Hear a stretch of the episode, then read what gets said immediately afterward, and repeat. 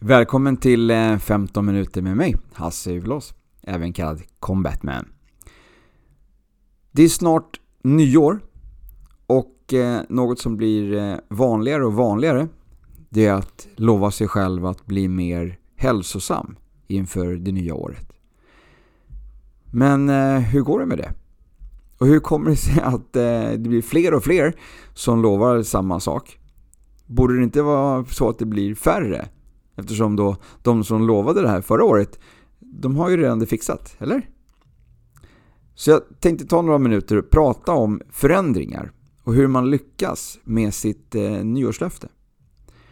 För jag tror att alla någon gång i livet sagt till sig själva att nu ska jag ta tag i hälsan.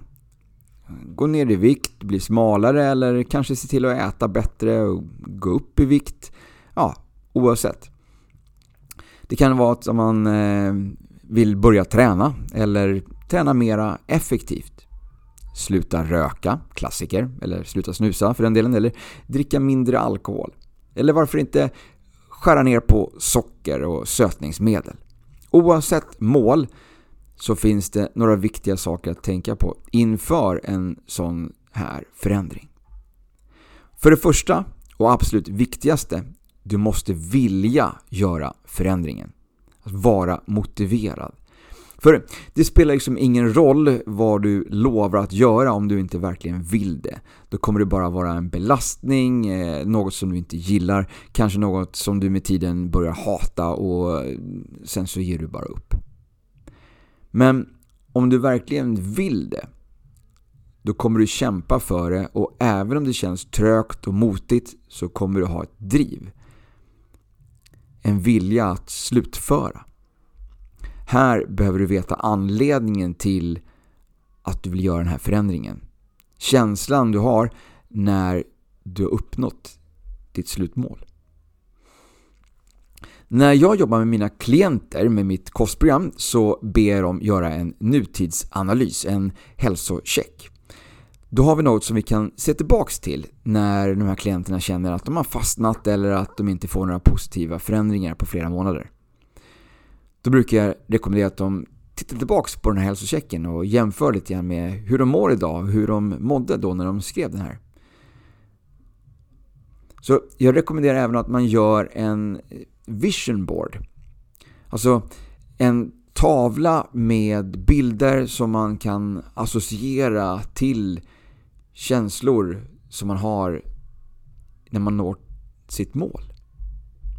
Det kan vara allt möjligt. Eh, viktigt att se sig själv där och känna hur det känns. Det är ju det som är det viktiga med en vision board. Eh, de här visionerna som man har. Det är så man liksom jobbar med manifestation. Så tänk hur du mår när du uppnått ditt mål.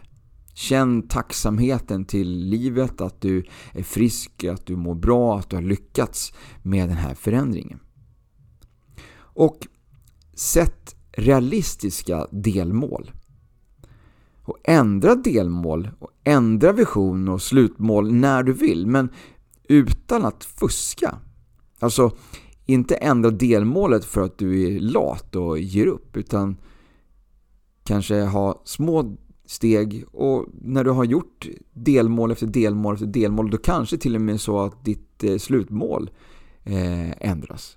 Att du känner att du vill ha ett annat slutmål, att du kanske vill uppnå någonting mer, någonting annat. Och för att göra en sån här stor förändring så behöver man mer energi. Det är därför som jag rekommenderar Fitline, näringstillskotten till alla som jag coachar.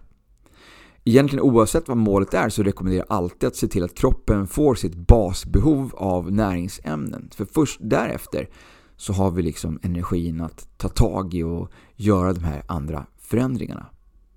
Så oavsett nu om det handlar om att man ska träna mer effektivt eller om du vill gå ner i vikt eller bygga på mera muskler eller gå upp i vikt eller, eller för den delen sluta röka, sluta snusa.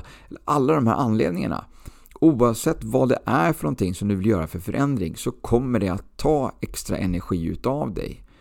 Och då behöver du mer energi för att klara det, för att inte ge upp. Så egentligen, det som jag jobbar med då, det här kostprogrammet, det är ju egentligen ingen diet för viktminskning. Det är egentligen designat för att man ska göra en reset på kroppens celler och sen bygga upp dem med bra näring. Resten sköter liksom kroppen själv. Så om du äter bra mat och i rätt mängd, tillför optimalt med näringsämnen, då kommer kroppen svara bättre på styrketräningen och du kommer lättare att bygga muskler. Eller så kommer kroppen göra sig av med det extra fettet som den inte behöver. Som, som vi har pratat om i, i podden så kan man tolka sina cravings. Det är till exempel inte en påse lösgodis som din kropp behöver när den får det här sötsuget.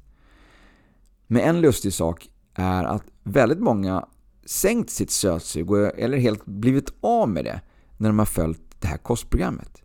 Mycket tack vare mineralmixen som jag rekommenderar att alla ska ta.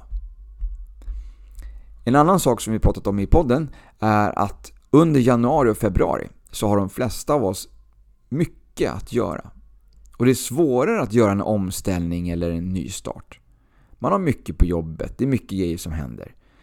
Mycket saker som är förändrat med, med skola, dagis eh, och så vidare. och så vidare. Dessutom så är ju gymmen redan fulla av alla de här som inte lyssnar på den här podden som är där och tränar för fullt. Och det här har vi också pratat om.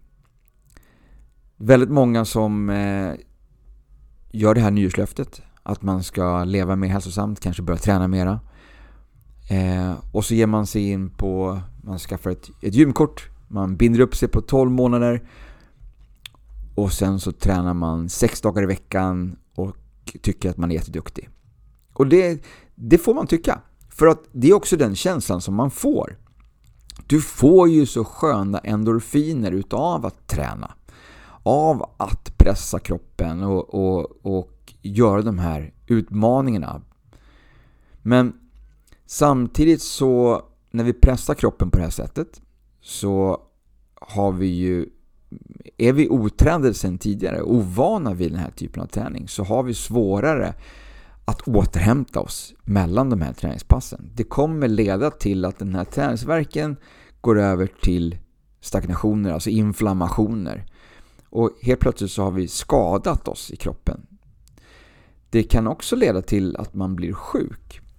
För under den här perioden när man tränar väldigt mycket så kommer kroppen vara fullt ockuperad med att reparera musklerna som då sliter sönder på de här träningspassen. Ditt immunförsvar kommer inte riktigt vara lika starkt som det är när du är helt frisk och, och inte behöver fokusera på att reparera musklerna.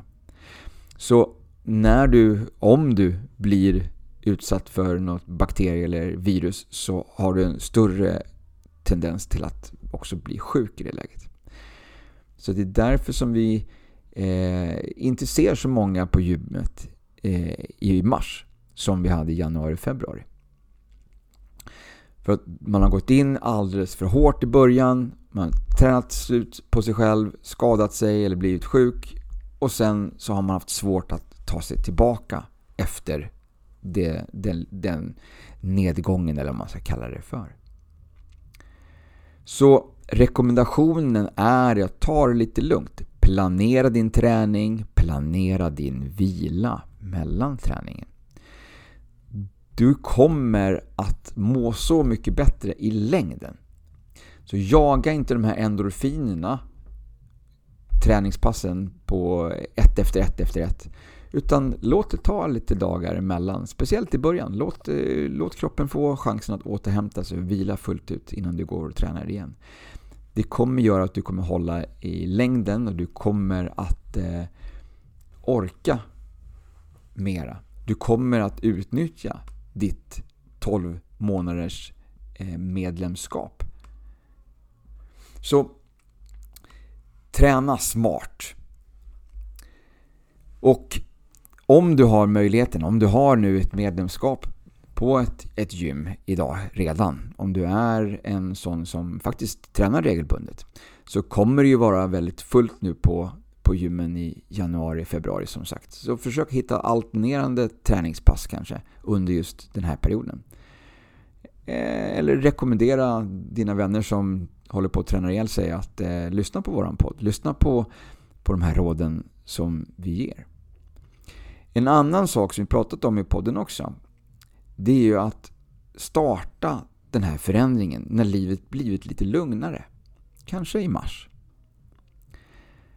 För annars så brukar ju jag rekommendera att man startar när man bestämt sig. Alltså att om du har bestämt dig för att sluta röka idag, så sluta röka idag. Varför ska du vänta till eh, nästa år? Varför ska du vänta till nästa månad, nästa vecka, alltså nästa måndag? Varför inte sluta nu, när du har bestämt dig? Det är den vanliga rekommendationen som jag har. Men just när det kommer till det här med att man ska ta tag i sin hälsa och sitt liv. Om man känner att det kanske blir lite tufft. Om du har gjort den här resan förut och misslyckats. Vad kan vi göra bättre den här gången?